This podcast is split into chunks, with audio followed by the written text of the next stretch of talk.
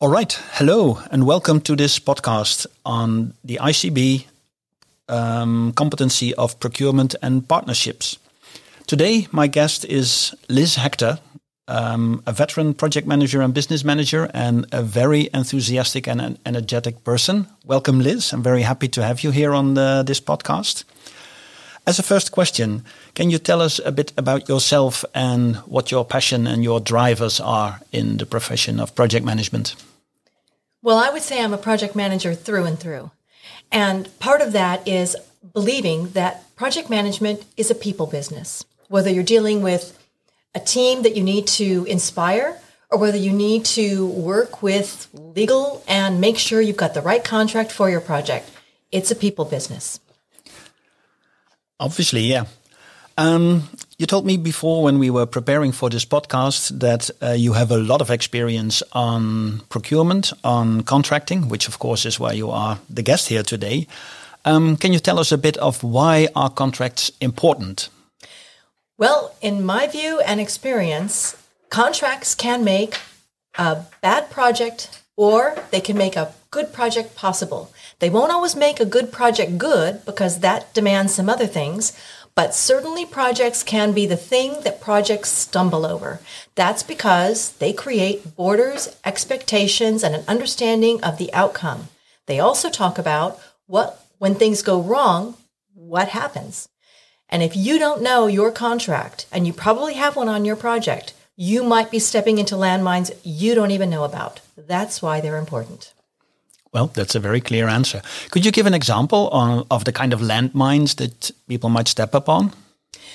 Well, often in terms and conditions, there's, for instance, a set out objective of who runs and owns the contract. If you have a, let's call it friendly handshake, and you are the supplier, you may think you're in charge, but the contract may actually call out that the leader is the client. And if you're a client, you might not know that the contract has an out for the supplier in terms of if certain dates aren't met or expectations, maybe there's a steerco decision that's delayed, that may actually void your contract. So these are the kind of things you need to know about. Create documentation to track them, metrics and other reviews during your meetings with your supplier and your contractor and the client, whoever that is, whichever side you're on. And then make sure you're acting on resolving those issues as they come up, mentioning them during meetings, tracking their progress, and actually addressing the outcomes, including potentially changing your contract. This sounds as if uh, the whole topic of contracting is really, really tricky.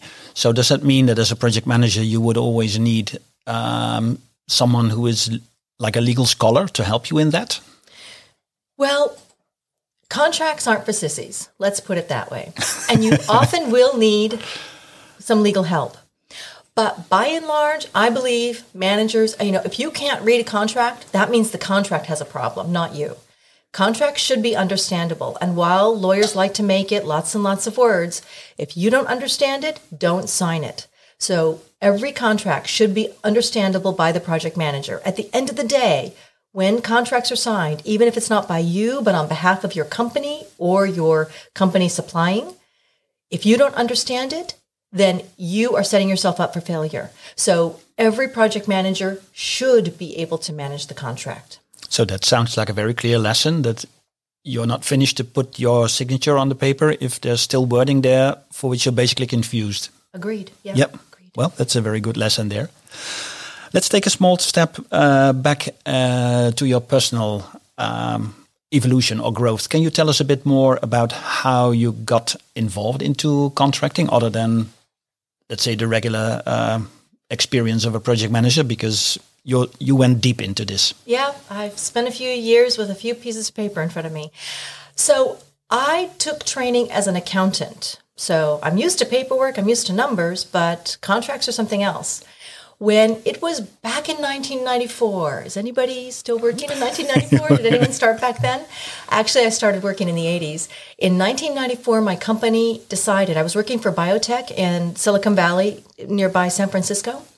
And that company decided to implement a new technology. Uh, people might know Oracle uh, or SAP. This was called PeopleSoft. And the company at the time, I was a director of accounting and systems, so I was involved in all computer purchases. And the company asked me to, working with someone else who had some legal training but wasn't a lawyer, to negotiate this contract with this. It was one of our biggest purchases we made that year in terms of any kind of outside procurement. I had zero experience with contracts, with the negotiation process of going from an RFQ, a request for quote, to a request, for proposal, to a down select, to an actual selection and negotiation of a contract. This was a completely new process and no one actually explained it to me. So I was just, you could say, working by the seat of my pants, just trying to figure things out. And when it really came to negotiation, I'll never forget that feeling of being at the negotiating table with that supplier, PeopleSoft, and at one point saying something that let them know kind of the ballpark of the budget we had. And the woman I was working with turned to me and just the pause was, I'm going to kill you later. Because this is information, of course, you uh, never want to give away what yeah. your total budget is. And uh, I didn't say it out loud, but I said something along those lines. So and they could they could guess. They could guess, yeah. So from that, I will say, you know, I learned the hard way. So yep. I don't want other people to learn the hard way. So this is a good time to talk about these things, isn't it, Rob? Absolutely. Yes, yes. So we've already heard a couple of lessons from you right now. So this was um, one of the situations that you clearly remember, and oh. I guess you still know. Uh, let's say the face of the people that you were talking across the table at this moment when you were giving away the budget. Yeah. Yeah. Can you take us back to that moment? How did it feel? What did you experience? Did did you well just tell us how how that went? I was in earnest trying to make sure the project was going to go well because I had already run projects. I was a director and actually had created the concept of a steering committee in the organization I was in. It was a biotech in California to create a process where we had this idea of understanding what kind of technology we needed and how we would find it. So I felt going into the process, I have some knowledge. During the process, I realized I'm a child. I know nothing. So that was the feeling I had at the time that I thought I was in control and then realized I'm really not. I need an education. And now today I've read thousands of contracts, literally, which I'll talk about later. I run for um, charities that I work with the whole process end to end. And you could say I feel in control and the owner of all the contracts that my charities sign.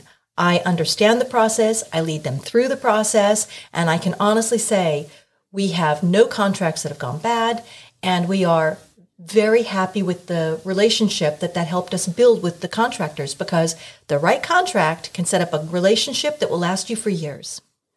Tell us a bit more about that. So, what would be um, the things to think about and to be on the lookout for uh, in terms of what is the right contract? So, so that, because you're implying that there are also wrong contracts. Yes, indeed. So the first thing you need to understand is what are you doing? So as a project manager, I suggest you actually make a document. You can do this on Word, Excel, whatever you like, but you make a document of what are the parts of the contract that are important to you before you even look at a contract. It's even better to do before you look at a contract. So first, think about what's important to you and also understand what is this contract? What is the scope of the contract? We're familiar with scope. So talk about the timeline, the number of people you expect, the kind of cost amount, and also things like what is a legal term now, precedence. So in the in the scheme of contracts, you can have a master services agreement. If you're going to do a multi-tiered project or a program with lots of parts underneath it, you may need a master services agreement. And this is basically the parent to all the children documents that would happen. So you need to know is there already one between this supplier and this client? If that's the case, there aren't normally multiple of these, so you need to know what's in the existing one, or you need to write a new one. That's point one. Point two is understand are you then working on a statement of work, or are you working on a particular change order? So that's framing against scope. Next, it might be something like a novation, which is a very specific legal term when two legal entities change. So if I was working for IBM, that's where I used to work for a long time, and my client had a legal entity change. Maybe it was company A from Benelux and now they're going to move to France. That would be a novation. And during a novation, you can also make other terms and condition changes. So you need to understand where you are in the project, where you are in the project. I'm sorry, where you where so you so you need to understand where you are in the project and where you are in the contracting cycle. So just for my understanding, because the word novation is new for me, mm-hmm. it basically means a kind of transfer of the contract ownership from one legal entity to another one. That's right. And the fact that that is happening can be taken as uh, an opportunity to actually rediscuss or renegotiate or redefine certain elements of that contract. Yes, and in the case of novation, it's simply saying legal entity A transfers possession of the contract and rights and responsibilities to legal entity B, but you can also make it a novation and agreement and add some terms where you need to make a change. And we could talk about yeah, yeah. how to how to know to change your contract a little bit later. Um, the other process that happens before all of that, of course, is the figuring out who you want to contract with. So if you're an internal customer, for instance, if you're working for a company and you want to look for a supplier, you need to go through the procurement process, which is essentially a different process altogether. You also mentioned um, a couple of minutes ago the word precedence. Mm-hmm. Can you explain a bit more about that? Because also I don't have a clear picture of what precedence means, and you just told me that if I don't understand the contract, I have to keep talking until we're clear. Oh, you're learning. That's good. I'm trying to. so, precedence is a legal term for the order in which things are true. So, you have a couple of options. You can say that the order of things that are true is, and this is on contracting, not on procurement. You've already decided you want to do some work, you've decided the scope. And the order of which things are true are it could be that the first thing that's true is the master services agreement. The next thing is the statement of work. The final thing is the service order or the um, individual order for a change. And the last thing might be a novation, or it can go the other way around. The leading document is the service order. The next is change order. The next is master services. And the reason why that's important is if in the service order, you decide, or your statement of work, as some people know it, you decide that terms and conditions are different than the master services, if your precedent says that service order comes first, then that is true. If it says master services comes first, then that supersedes whatever's in the service order. Where they disagree, it's the precedence tells you which is true. Okay, so there's basically a concept that if you get into a legal conflict, the judges uh, or the court would use that to decide which one overrules the other one. Right. Even before that, it's about communicating to your customer. What you don't want between a supplier and customer is to have a bad relationship, and contracts help you keep your relationship solid.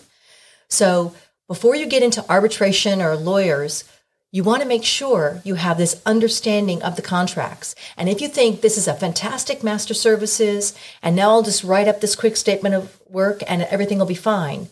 If you didn't know the precedence that is in the master services, you may think you're on solid ground. But remember those landmines I told you about? Yep. You've just created one for yourself. All right. So that's another lesson that why you as a project manager should really know what's in the contract, uh, the different types of documents that you have there, also in terms of expectation management. Yes. So because if you if I understand you correctly, if you know what's in the contract, if you know the precedents, you can tell your stakeholders exactly this this is how it works because of the precedents. Right.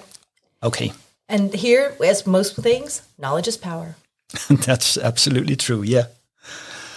Um, harking back a bit again on on uh, let's say your your growth path. Mm-hmm. Um, you told us about let's say the first negotiation where you went in kind of uh, unprepared and and learned by doing, learned by mistakes, and uh, developed a sense of what do I need to do and what do I need to know to be in control. Mm-hmm.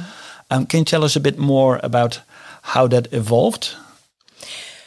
Yes. So after that first negotiation, I realized that I needed a little bit of a primer. So I did have some meetings with lawyers and interview them and start to understand and create a roadmap for myself, a physical document that explained to myself how we go from having a desire for something through the procurement process and then how the negotiation process could work. Subsequent to that, as I mentioned, I moved from being an internal person to a consultant. I found that I I was an accountant and closing 144 months was enough for me, so I became a director for PricewaterhouseCoopers, still in San Francisco, and I ran the West Coast practice working with PeopleSoft, that company I negotiated with all yep. those years ago. And part of being a, a director or a partner, later I was a partner at IBM, is that you are responsible. You are the signator for those contracts. So you need to understand them, you negotiate them, you work with lawyers, of course, to get the wording right of every time. But at the end of the day, it's not a blame game. The buck stops with you. So you need to understand what you're signing, make sure it's aligned to the project you're running or will be run by someone on your team, and make sure that you're keeping your eye on the prize in terms of you never just sign and throw it away or put it away. You actually need to come back to the contract and make sure you're compliant. I did that from 1996 until 2005 when I moved to finance at IBM. And then contracts were even more important because they handled financial structures within those contracts.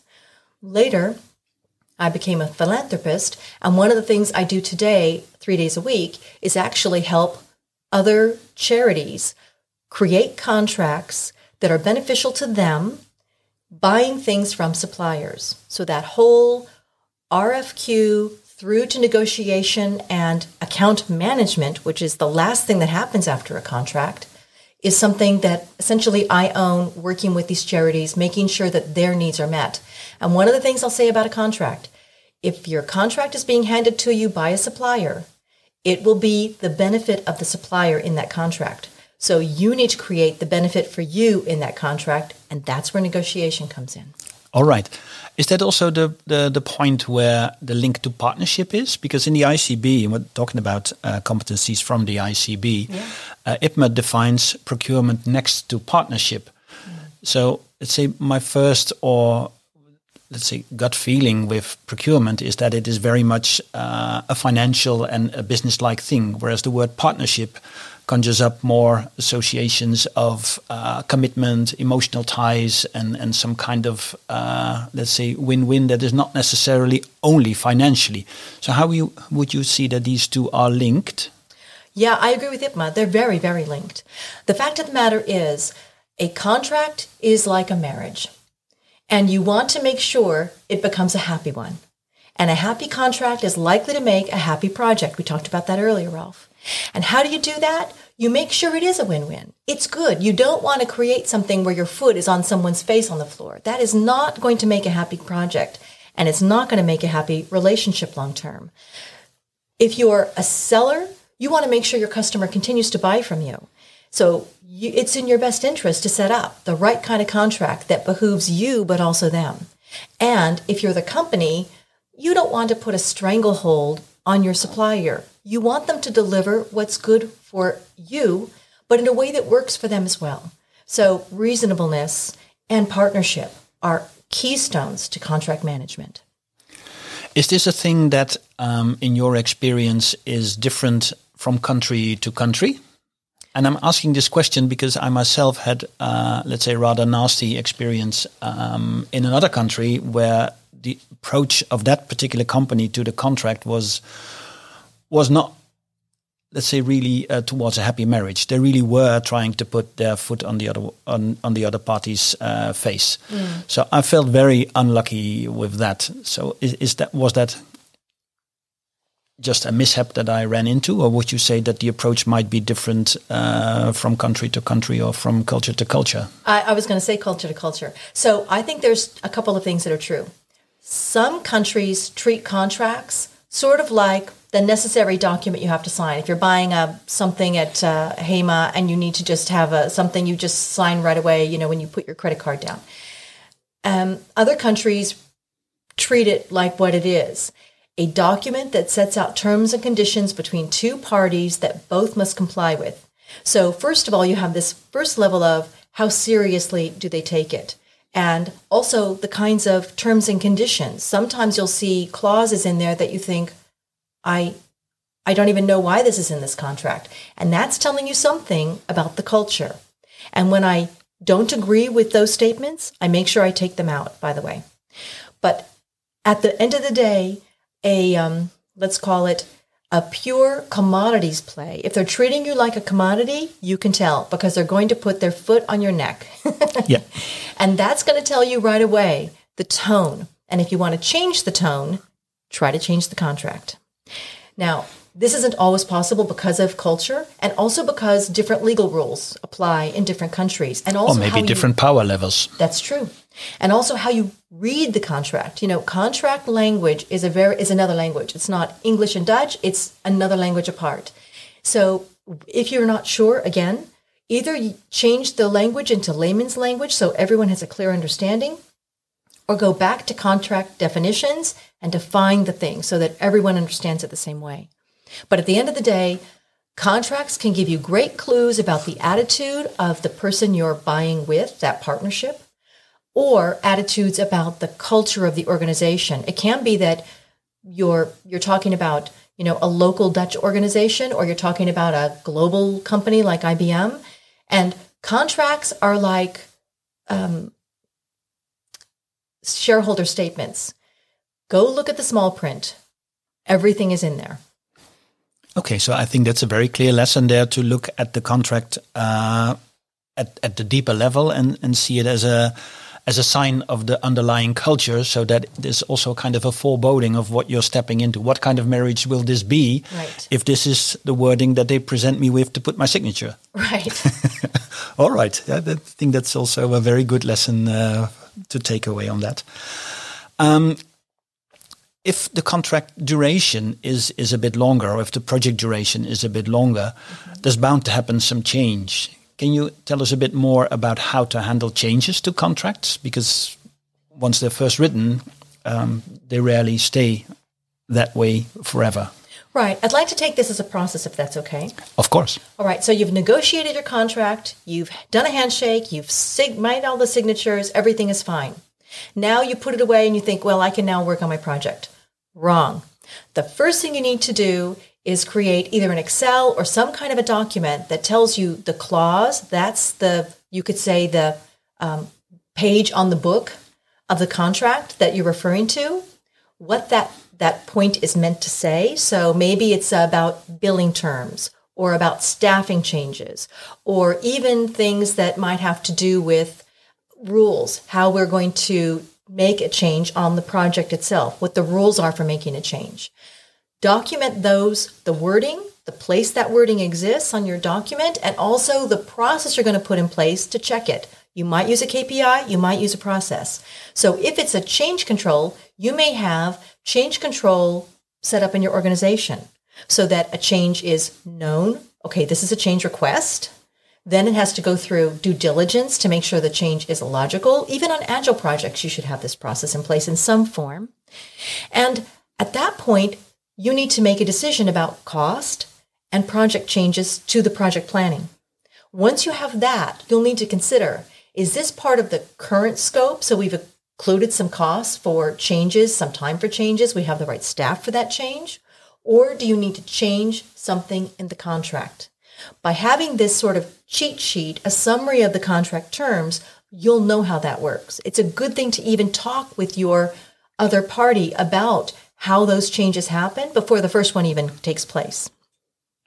So this process I generally call account management, which is making sure is the billing right? Is the change control in place? Is the contract still satisfying and serving the project?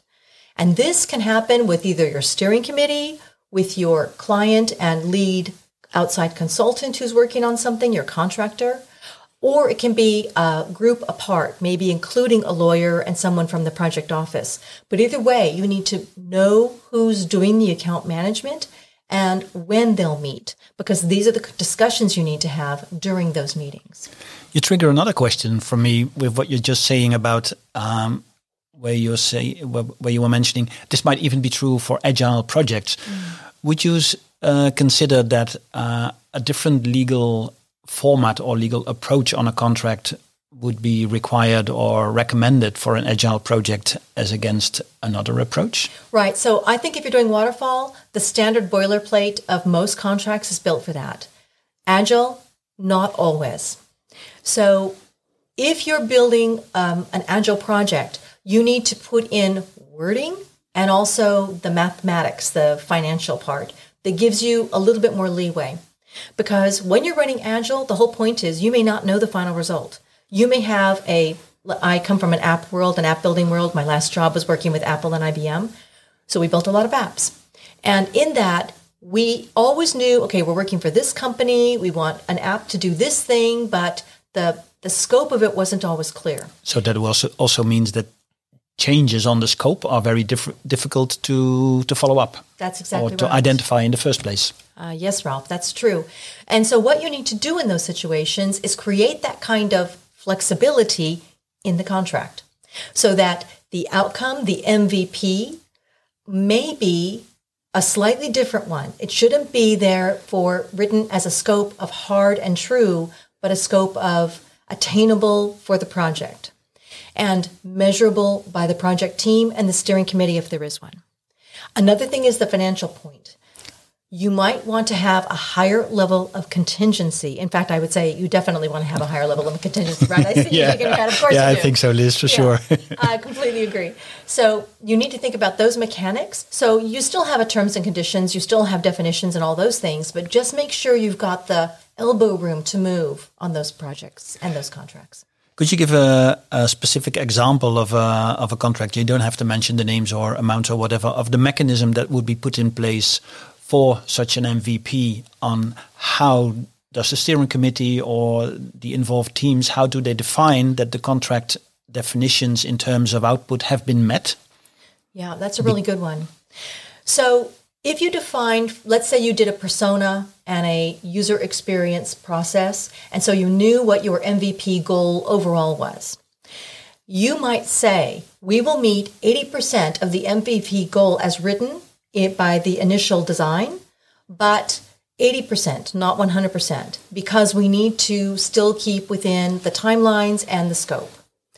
So the point you're trying to get to is making sure you haven't constrained yourself with scope, timeline, or budget within that process by acknowledging 80%. And the client may balk and say, well, 80% is not 100%, and I want 100%. But they need to realize that if we're in a true partnership, we're going to make sure you're happy. It just may not be that we can list exactly what that is right now. The other thing I'd say is implement clear account management and that steering committee or steerco that I mentioned earlier, because it demands a continual conversation. Now, I'm not talking about having days of workshops, but a short meeting, 30 minutes, every couple of weeks, depending on the time frame of your, your project. It could be every month where you're going over this content to set expectations, create those borders. As project managers, we normally do that. Just keep doing that, but bring the contract into it a little bit to make sure everyone's happy and we're doing what we say we do. I, I used to be a scuba diver, and you um, plan your dive and you dive your plan, and that's all we're doing here. Yep. Well, that's very nice that you mentioned you used to be a scuba diver. So was I. ah, something to share. Yeah. Um, so basically, what your the implication that I get from your last message here is that um, where you cannot really scientifically define what is the 80% or you cannot really operationalize it, there is where the partnership comes in. You have to be on speaking terms and, uh, let's say, agree that even if we don't have a very, very um, calculated definition of what makes 80% or 79 or 81, everybody is still happy enough to continue and the partnership continues and you can just go on with the project. It's that's the relationship side you talked about earlier. It's if we agree to keep the relationship integrity and uh, process intact, then we will know when we get to 80% because it will feel right to both parties. Exactly. And then that's the point where you don't get the litigation, but you continue yeah. in that partnership. Agreed. As a happy marriage. Yes, yes. You know when you have one, right? you know when you have one, and you know when you don't have one. Right.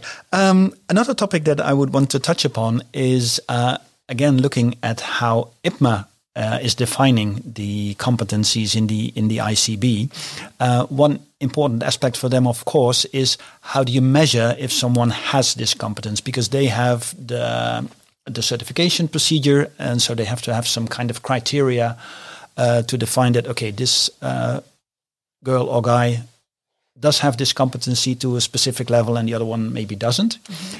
So, what regardless of what IPMA defines, what criteria would you apply to check if this competency is present to a certain level at a colleague project manager? How would you look upon that? Well, as an IPMA member and also a real believer in certification, and I know you're an IPMA certification B, right? So yep. you also believe. Um, these are important. And I, I've looked at the certification criteria, and every one of those is absolutely spot on.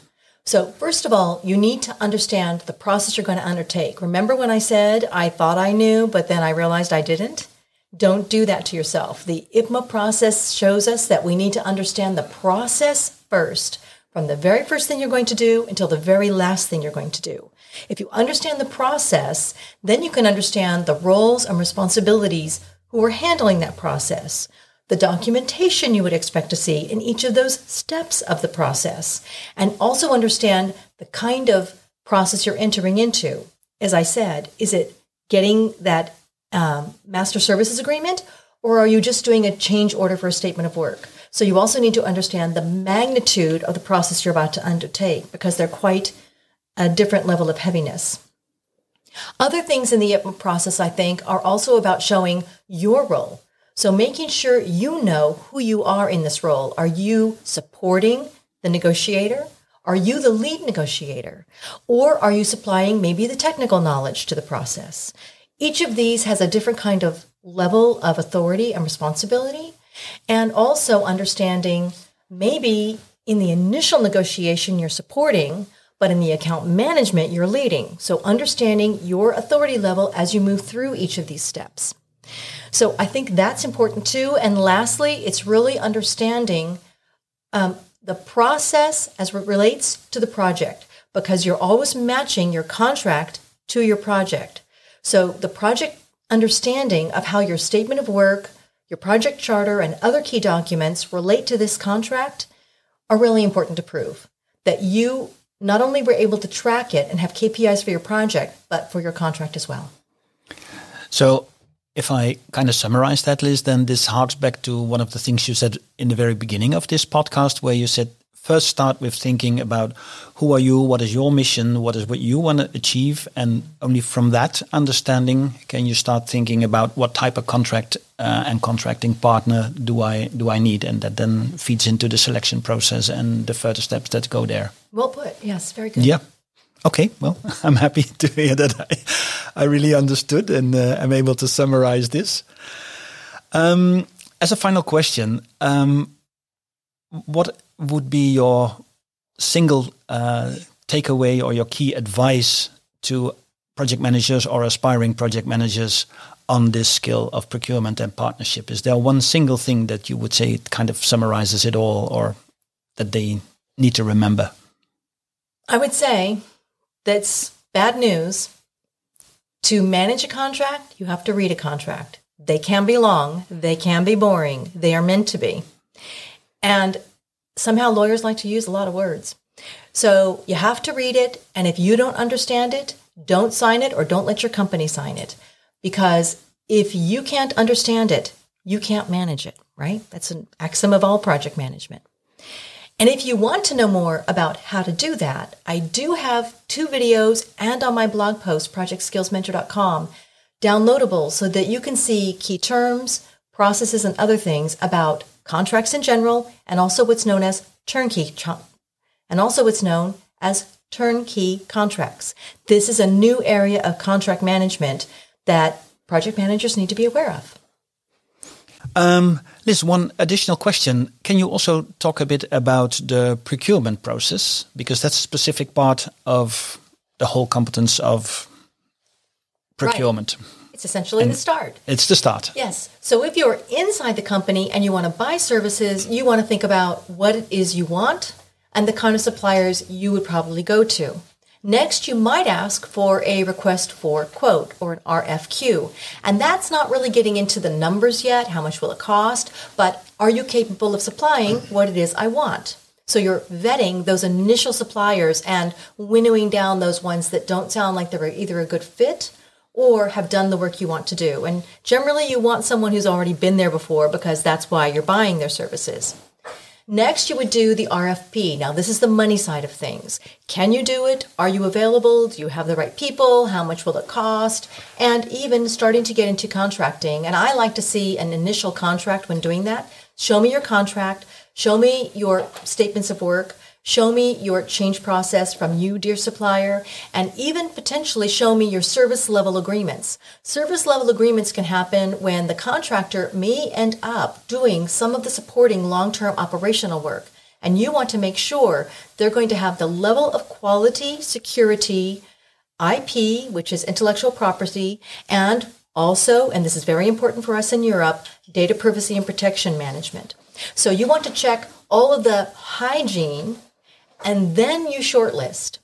And at that point, you may do something like have a presentation where every supplier comes in at that point, and maybe you're down to two or three, and you're looking for that possible mate, right? So this is yep. a dating service. You're looking for that not just on paper good, but the people that you like yep. the people and their way is there a click when we look in their eyes right and do they seem truthful can i believe what they say use rigor this is the time to maybe be a little bit not nice. On a dating moment, you might say, um, So, do you smoke? And if the person says yes, then you uh, know something. And if the person says no, but they smell like smoke, you know something else. yeah. so, there you go. You're, you're doing that process. And then you're ready for that whole process contracting and account management process we've already discussed.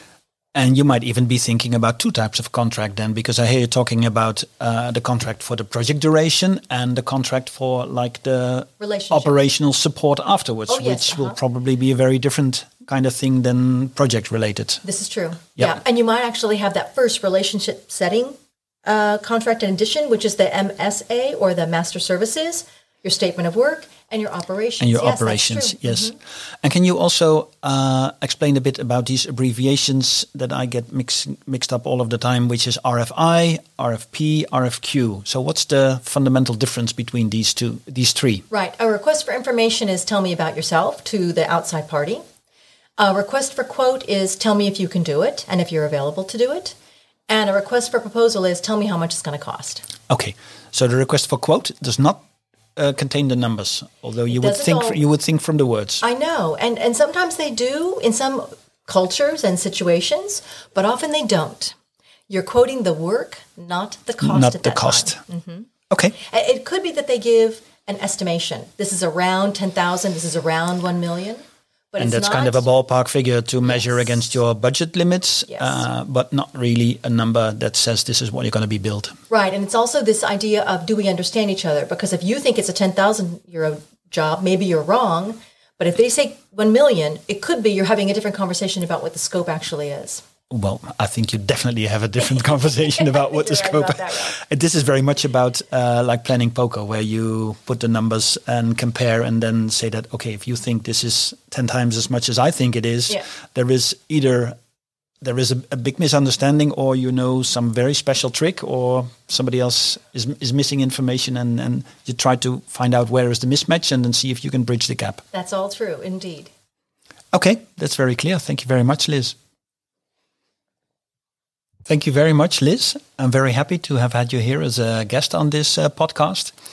Also, big thanks to IPMA Netherlands for supplying the facilities here in the studio to uh, record the podcast. And thank you all for listening. Thank you, Ralph.